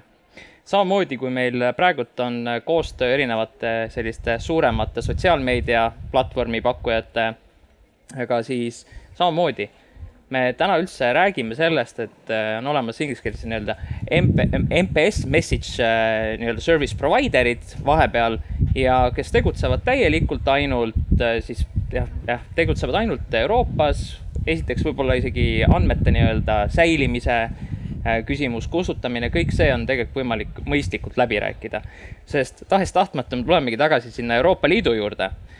Euroopa Liit on USA ja Hiina ettevõtete, ühelt poolt on siis selline nii-öelda äärmusliberalism, kus äh, suurettevõtetel on sisuliselt äh, võim ja samal ajal on ka võimalik USA ametijõududel saada ligipääsu potentsiaalselt Euroopa Liidu kodanike andmetele ja teiselt poolt on siis muidugi Hiina kogu oma nii-öelda credit scoring'u ja muuga. ehk siis selle valguses Euroopa on täna andmekaitseliselt väga teravaks selle viinud, ehk siis no. nii, kui me võtamegi Meta, võtame teised suurettevõtted, ega igaüks on hirmul, et millal jälle Prantsusmaa, Saksamaa, Holland tulevad uute mitme miljardi euroste trahvidega mm. -hmm. Ja selles äh, sfääris ma näen, et Euroopa on natukene seda ikkagi olukorda tugevalt raputanud. Eesti üksinda muidugi, ma ütlen kohe ära, kui me ütleksime, et ah, palun ärge nii tehke, ma arvan, et see läheb tõesti kurtidele kõrvadele. aga kui sul on ikkagi selline turg nagu Euroopas, siis meil on võimalik siin ikkagi sellist teatud standardit ja põhimõtteid kehtestada mm. -hmm. sellega olen isegi mina padupessimistina nõus kommentaare ähm, ja ei no absoluutselt saab nõus olla, et Euroopa ühistoimes on väga efekt-, traditsiooniliselt väga efektiivne reguleerija ja ilmselt see no, traditsioon ka jätkub, eks ole. ja noh, põhimõtteliselt saab ka nõus olla, jällegi pöörates kergelt optimistiks, eks ole, et ma ei tea, kas Ready Player Me on juba unicorn, vist ei ole veel jah, et äh, ühest küljest meil on juba Eestis kerkinud, eks ole, esile ettevõte, mis on praktiliselt äh, partner kõigile metaversumi projektidele üle maailma, mis puudutab avatari loomet, eks ole. saavad ka siit esile kerkida ettevõtted, mis, äh, mis on selles mängus saavad olla nagu absoluutselt kesksed. et nüüd ilmselt ongi lihtsalt see, et, et võtame, lahendame need plokiahela küsimustega seotud regulatsioonid ka ära ja siis saab juba nagu talitama hakata, nii et äh, nii et noh, ma olen selles mõttes täiesti nõus sinuga, et meil on teatud selline hea renome, mis puudutab meie kompetentsusi äh, digitaalse valitsemise vallas ja ilmselt sellele saab edasi ehitada. nüüd noh, me, meie Katriniga töötame, eks ole, filmikoolis ja, ja, ja sa ütlesid, eks ole, et kuskil ei ole et kui sa hakkasid andmete, noh, krattide ja värkidega tegelema, eks ole, andmeteadusega, et siis ei olnud mitte kuskil ühtegi õppekava, kus, kus seda oleks süsteemselt õpetatud. et me näeme ka, et kuivõrd meie ülikooli fookus, eks ole, ütleme meie instituudi fookus on äh, lugude jutustamine, maailmade loomine, siis ilmselt noh, me peame nagunii tegema 3D maailmade alast haridust hakkama pakkuma, sest Mandalooriani ja teisi asju toodetakse üha enam nendes keskkondades. Et noh, sealt on juba väga lühike samm mingite muude interaktiivsete maailmade loomisena.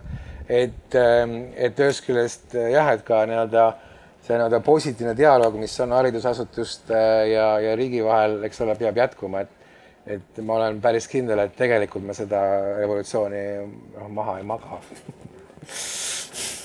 Märt, mis sa arvad ähm,? otseselt üks mõte, mis mul tekkinud siin või nagu niimoodi äh, selgitada on, äh, on jah nagu see, et see, äh, et sa saad metaversumit nagu tarbida täiesti mitte nagu virtuaal- või liitreaalsuses ka, et, et et mõnes mõttes võib, võib mõelda, et see, öelda, et metaversum peab olema ruumiline, on sama nagu öelda, et mobiil, mobiilist saad interneti äpp, tarbida ainult nagu läbi äppide et nagu läbi brauseri muud moodi ei saa. et see on nagu parim viis võib-olla, kuidas nii-öelda metaversumis olla, aga see on nagu ainuke.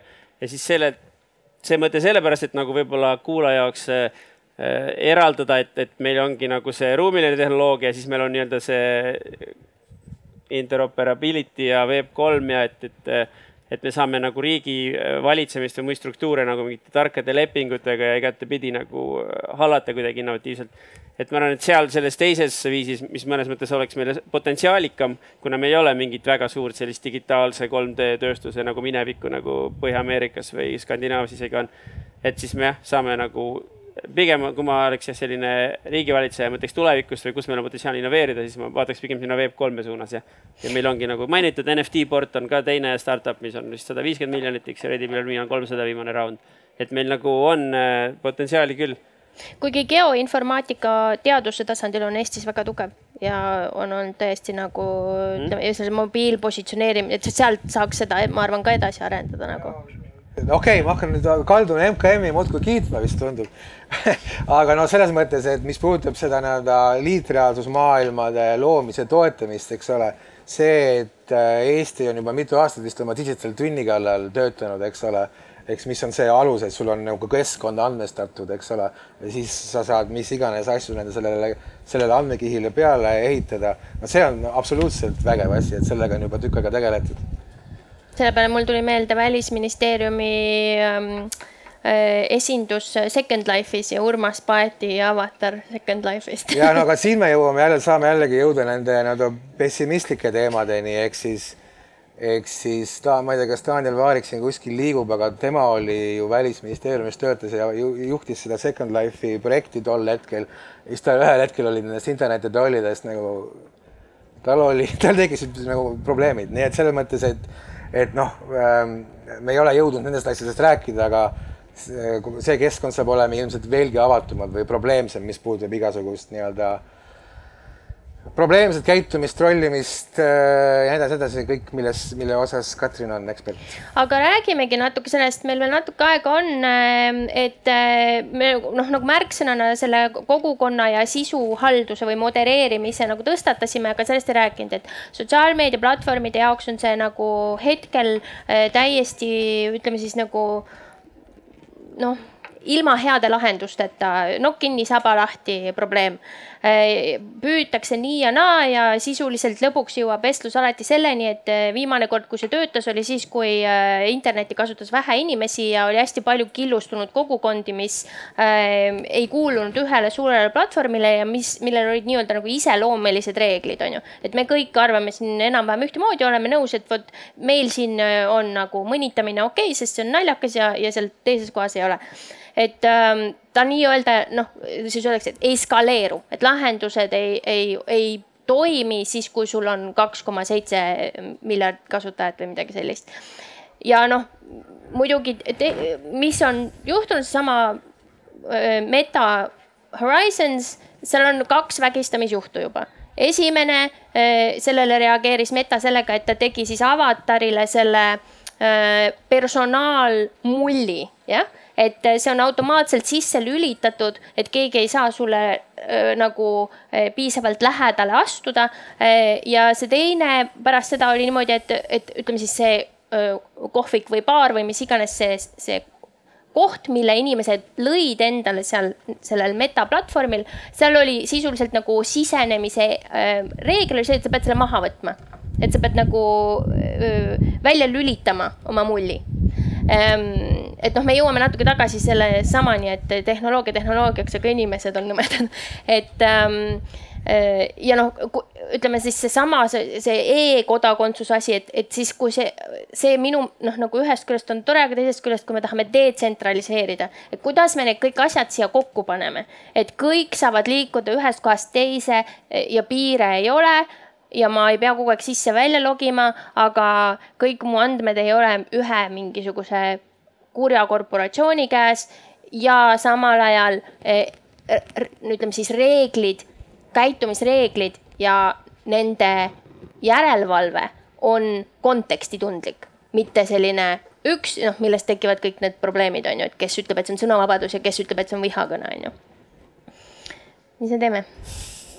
Jah, ma ei tea, minu arust on nagu Airbnb, eks ju, et seal, kui sa oled mingi nõme, ma eeldan, et sind suht ruttu visatakse välja sealt platvormilt või sa ei saa nagu lõputult trollida, et kuna see on su päris kasutajaga kuidagi seotud, et see tundub nagu olevat üks viis, et äh, ikka on väike variant, et sa satud mingisuguse äh, inimese otsa, kes sulle ei meeldi, aga kui sa käid võib-olla siis nendes äh, ruumides, mis on nii-öelda verifitseeritud. no ühesõnaga, neid presentatsioone on nagu ma olen ka kuulnud mingeid tooke, et see on suht keeruline, et see igast asju proovitakse ja see mull ja mitte mull ja kes seal midagi kontrollib või näeb või kas sa saad mute ida, kas sa saad suhelda mingite kindlate ikoonide või asjadega ainult või sul on nagu vaba kõne, eks, et ta saabki jah nii teha, et on erinevates ruumides nii-öelda erinev. et äh, ma ei tea, lõpuks on see reguleeritav ja see on minu arust osa nagu internetist, et kui sa oled seal kunagi, et siis sa ei solvu nagu üdini, kui sa näed midagi rõvedat korra, et sa saad aru, et noh Öelduna valge mehena. muidugi on see nii see olen ähm,. mis sa arvad? ma ühesõnaga isegi kui äh, piirata ära inimeste suhtlus, mis kaotab kokkuvõttes kogu sotsiaalmeedia ja metaverse'i mõtte ära äh,. toon lihtsalt nagu kaks sellist äh, huvitavamat paralleeli, et kui me ise proovime ka vaadata, siis äh, nii-öelda kliendisuhtluses, kuidas, kas inimesed ropendavad ja filtreerida ära siis nii-öelda rämpskirju, siis ähm, erasektori kogemus on sama, siis inimesed on väga leidlikud minemaks mööda sellistest filtritest. et kui ikkagi tahta olla näiteks selline rassistlik, sa tuled uute sõnade peale, kuidas seda teha ja teistpidi, mis äh, sotsiaalmeedia valdkonnas on ka, et äh, kui võtamegi kasvõi näiteks selle reklaaminduse äh, poole, siis täna kasvavalt, kuidas toimub reklaamindus? läbi suunamudijate. ja ega riigi seisukohast on täna tõesti jube nagu nukker seis. ühelt poolt on meil reklaamseadus, meil on väga konkreetselt ära sätestatud, mida tohib reklaamida, mida mitte.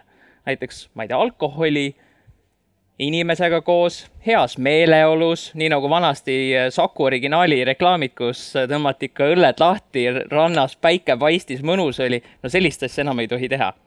ja ei tohi panna ka sinna toitu ja nii edasi. aga kui meil kogu reklaamindus on läinud eh, suunamudijate peale, see ei ole enam selline nii-öelda isegi meta poolt kontrollitud, siis käed on lõpuks ka riikidel endil täiesti seotud, väga raske on tagada, et ma ei tea, kaheteistaastastele lastele ei tehta veebi, ei suunata veebireklaame. seda ei ole võimalik täna enam lihtsasti äh, kontrollida ja sellest ma saan täiesti aru kõikide maamade nii-öelda probleeme, et kuidas seda siiski tagada. sest inimesed on superleidlikud, isegi kui me ikoonide peale lähme, ma arvan, kaks nädalat ja inimesed juba panevad auto, auto, lennuk ja baklažaan ja siis on oi jumal, mis sa mulle nüüd ütlesid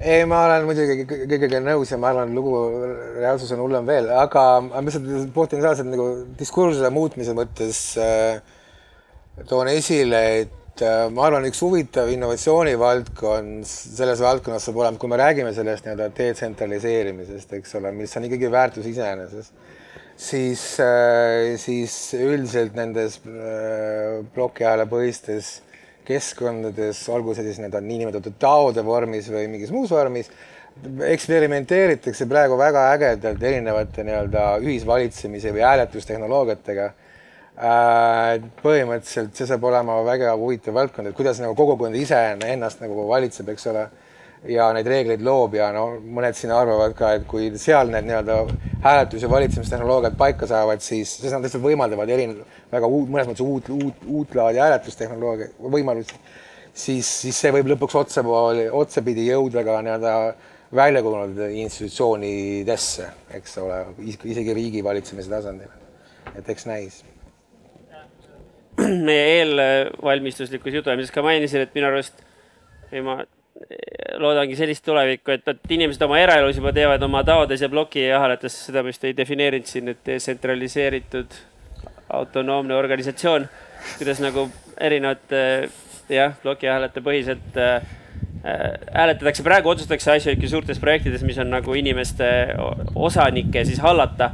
Et, et sellised otsustamisviisid lõpuks jõuavadki nagu demokraatliku riigi põhimõtteliselt struktuuridesse et kuidas äh, otsuseid teha. et võib-olla need, kes väga usuvad millessegi või need, kes rohkem teavad või kellel on minevikus rohkem õigust, võib-olla nende otsus on võib-olla natuke kaalukam kui mingid suvalised mõjutatud inimesed. ei tea, rasked küsimused, aga, aga tahaks loota ma korraks äh, jälle suunaks pilgu siiapoole. Ähm, teie istute varjus, meie istume siin päikse käes, et äh, meie jutt enam targemaks ei lähe, aga ähm, äkki teil on äh, tekkinud vahepeal mingeid kommentaare, mõtteid või küsimusi? lootusrikkalt küsin ma. nii, Sten. on kaks kätt püsti. oota, ma juba rääkisin ah,. ma vaatasin, sul oli käsi püsti. ma hoidsin seda küll jah. et no vaadates kella, et äh, kõik otsused, mida me noh, täna teeme, sisuliselt annavad mingisuguse tulemuse umbes kolme aasta pärast, kolme kuni viie aasta pärast, kui me räägime mingist hari-, suuremast äh, haridusparadigma muutusest või, või mingisuguse taristu või, või mingi policy paradigma läbiviimisest, nii edasi, et äh, tegelikult nagu Ott, suunan sulle nagu küsimuse, et väga paljuski saab ju sellest, kogu sellest noh, nii-öelda mingisugusest tulevikustsenaariumist on natukene selline nagu last mile küsimus, et viimase miili küsimus, et, et, ähm, et see lihtsalt mõeldes noh, nagu selle peale, et, ähm, ähm, et, et see, kuidas me neid kogemusi kogeme, hakkavad et sul peab olema noh, mingisugune seade, eks ole, mis võimaldab meil seda kogeda. kas on see siis arvuti või prill või ma ei tea, mingisugune muu seade ja siis on seal, oletame, mingi telko vahel ja pilveteenuse pakkuja ja siis igasuguseid noh, nagu ka teisi äh, noh, ütleme ettevõtteid, eks ole. et kui olulisena sa nagu näed seda ja äh, seda, et äh, ja see on rohkem ka nagu selline MKM-i poliitika, sa rääkisid nagu tööstusettevõtete küsimusest, eks ole, et, et kuidas me saame neid äh, nii-öelda tekitada seda paremat väärindamist või, või, või vääristamist just äh, noh, nagu sellise majandusliku ökosüsteemi tasemel, et, et väärtus hakkab tekkima nagu, et nad, et kas nad hakkaksid nägema või see väärtus hakkab tekkima teistes kohtades, sest noh, natukene võib-olla ma utreerin, et meil praegu käib nagu noh, küsimus selle üle, et kes siis saab selle 5G litsentsi või mitte või et kas seal on Huawei tehnoloogia või nii edasi, eks ole. aga laias vastus on küsimus natukene ka sellise telko rolli või, või kogu selle last, last mile'i ja ütleme siis selle tööstusstruktuuri ringi kujundamisel, et see on nagu üks osa sellest küsimusest. teine küsimus sealt siis tekib nagu see, et mulle, mulle endale nagu tundub, et nii ühel pool kui teispool Atlanti käib ka nagu küsimus sellest, et kuidas tekiksid alternatiivsed turud või marketplace'id, kui meil on nagu selline nagu App Store'i noh, monopol või, või monopolid, eks ole, mis väga paljuski hakkavad mõjutama noh, ei tahaks ainult platvormidest halvasti rääkida, aga teatud selline kureerimis või teenuspakkumisvalik tekib nagu sealt ja kui palju seal näiteks saaks riik või üldse noh, nii-öelda Eesti riik või avalikud organisatsioonid tegelikult sellises nagu kõikide ühises first mover olukorras tekitada, ütleme siis pluraalsemaid tuluolukordi ja kui palju see võiks katalüseerida innovatsiooni? et natuke mõttelonkas, aga sa umbes saad aru, mida ma sellega mõtlen? sain, sain täitsa aru et äh, kui vaadata seda nii-öelda, mis täna toimub, võtamegi, keskendume andmetele korraks, andmete liikumisele, siis äh, ühelt poolt äh, Euroopa Liidus on väga tugev lähenemine just selliste nii-öelda valdkondlike andmeruumide vaatest. esimene valdkondlik andmeruum on siis tervise andmeruum. mis see tähendab? see sisuliselt tähendab seda, et nii TTO-d terviseteenust osutavad osapooled, kus iganes see lühendi taga on, TTO-d igatahes. ühesõnaga perearstikeskused äh, ja nii edasi, haiglad. samamoodi riik tervise infosüsteemist peab jagama, kui on ettevõtted, ma ei tea, ülikoolid ja nii edasi, kui neil on huvi, teised riigid andmete vastu, siis justkui peab läbi kesksete kontaktpunktide võimaldama üle Euroopa erinevatest riikidest saada andmetele ligi. see on nagu üks selline nii-öelda valdkondlik suundumus, kus tekivadki terviseandme, andmeruumid, tekivad äh, trans-, nii-öelda mobiilsus, tarklinn ja nii edasi.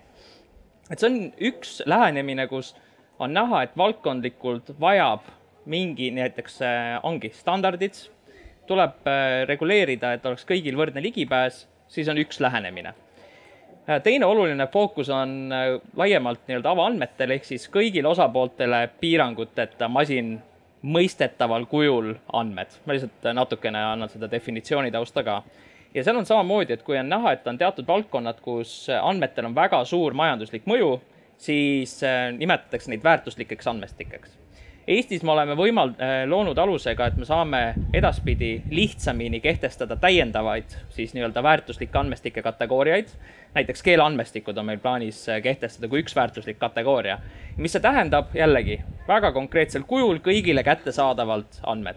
aga mis on veel nende väärtuslike andmestike all? käis läbi siin ruumiandmed. ruumiandmed on samamoodi väärtuslikud andmed, ettevõtlusandmed ehk siis kui palju iga ettevõte tulu teenib, jällegi öeldud, väärtuslikud andmed peavad olema kõigile kättesaadavalt, aga tasu ei tohi küsida. andmeruumides tasu tohib küsida, aga peab olema ka kättesaadav teatud äh, konkreetsel viisil aga mis me ise omalt poolt, mis puudutab seda metaversumit, ongi näiteks nõusolekuteenus. eelmine aasta saime valmis selle teenuse ise. see võimaldab siis kodanikul nõusoleku alusel jagada enda isikuandmeid, mis täna on riigi käes, teiste osapooltega. Ja see on täna kasutusel siis äh, selle Inbanki poole pealt, et kui lähete ostma endale elektroonikat, tahate pisilaenu, siis saate nõusoleku anda ja saate kiiremini põhimõtteliselt äh, vastuse, kas saate laenu või mitte. aga mis selle tegelikult laiem äh, tulemus on? me näeme, et täna erinevate krediidiasutustelt on väga suur huvi. tulevikus usun, et siit on enamik on äh, kas auto näiteks liisingu peale ostnud, on läinud ostnud endale maja. see laenuprotsess on täielik mõrv. sa pead täitma ülipalju dokumente ära, allkirjastama, saatma kümme erinevat panga väljavõtet jumal hoidku, kui sul on kolmes erinevas pangas, siis kui palju sa pead dokumente saatma. aga kujutage ette, kui te annate ühe nõusoleku, digiallkirjastate ära ja te saate seejärel kümnelt pangalt pakkumise. Kui palju see rohkem võimaldab teil ka endil võrrelda, mis on parimad eh, nii-öelda teenuse osutajad, see lõpuks võimaldab teil oluliselt paremini äh, pakkumisi saada. ehk siis ma küll ei vastanud konkreetselt kõigile mõlemale küsimusele, võib-olla vist esimeses osas veel juurde, mis puudutab majandust ja laiemalt, siis lihtsalt ütlen, et põhirõhk näiteks ongi meil täna digitaliseeri-, nii-öelda digitaliseerimisel. ehk siis kuidas ettevõtteid üldse digitaliseerida, sest nii tehisintellektis, asjade internet, üldse ka erinevate nii-öelda CRM lahenduste kasutusel meie ettevõtted kahjuks on järellonkijad Euroopas ja me peame seda muutma ja muidugi see interneti küsimus, et meil ei ole jätkuvalt täna 5G-d, noh tänu, tänu jumalale, et Elon Musk tuli Starlinkiga lõpuks, aga noh, see jällegi, me jõuame sinna, et see ei ole tavainimestele kõigile kättesaadav, sada euri kuus maksta, see ei ole mõistlik. Märt. Kunagi on viiskümmend euri, aga ta läheb alla lõpuks. mulle meeldib, Märt on meie resident optimist. adoptsioonikurv, noh, et aga jah ähm,. Indrek, ma vaatasin, kui Sten rääkis, sa noogutasid agaralt, kas võtad meie paneeli kokku no pressure. noh, nii tahaks restorani minna niimoodi, et noh. tegelikult mul tuli seda, selle paneeli käigus tuli meelde, et me, kui me jah, seda natuke ette arutasime, siis me mõtlesime, et me peame andma ka realistlikud hinnangud, et mis meil tuleb siin kolme või viie aasta pärast, mul läks meelest ära, ma ei teinud seda kodutööd. aga ma arvan, et äh, ma selles mõttes äh, nagu Rein Lang on ka minu kohta öelnud, ma olen ka parandamatu optimist, ma arvan, et, äh, et me saame, et Euroopa Liit üldiselt töötab ikka hästi, et me ikkagi noh, inimkond on saanud piisavalt ja Euroopa Liit seejuures on muutunud, saanud on piisavalt kogenud, et nii-öelda erinevaid erinevaid neid probleemseid aspekte kuidagi adresseerida, töötada välja regulatsioonid ja noh, potentsiaal on suur, ütleme hetkel. muidugi kõik need riskid käivad ka kaasas, aga põnev on ikka, noh, et äh, ma arvan, et see nii-öelda interneti kolmas versioon ähm, toob mitte ainult vägevaid teenuseid, nagu Ott päris alguses ütles, vaid, vaid et ka nii-öelda asjakohaseid lahendusi, nii et äh, töötame edasi. Ma arvan, et see on täitsa hea koht, kus lõpetada, et äh, natuke on õudne ja natuke on tore, aga põnev on ka.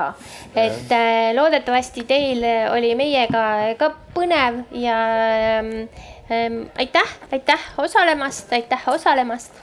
Äh, väga palav on, nüüd on aeg minna sellele Saku originaalile või? reklaami jah ja. ja.. see oli tasustatud reklaam aitäh. selge see, et ega kõike kõike teha. puudub laud ja mäng, edasi me peame.